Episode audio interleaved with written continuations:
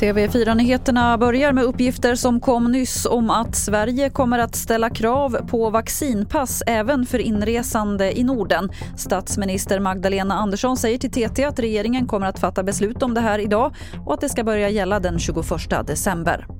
Och I Värmland ses det troligen som ett gott besked för en rundringning som TV4 Nyheterna gjort bland landets gränsregioner så vill smittskyddet där att samma regler som om man reser hit från länder utanför Norden eller från södra Afrika ska gälla.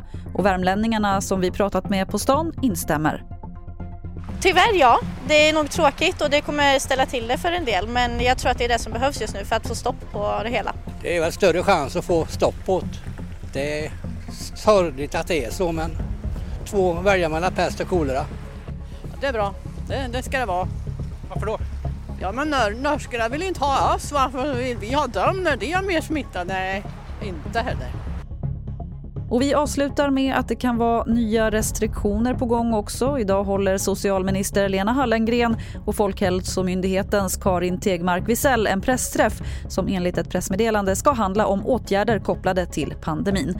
Den börjar klockan 10 och man kan se den på tv4.se.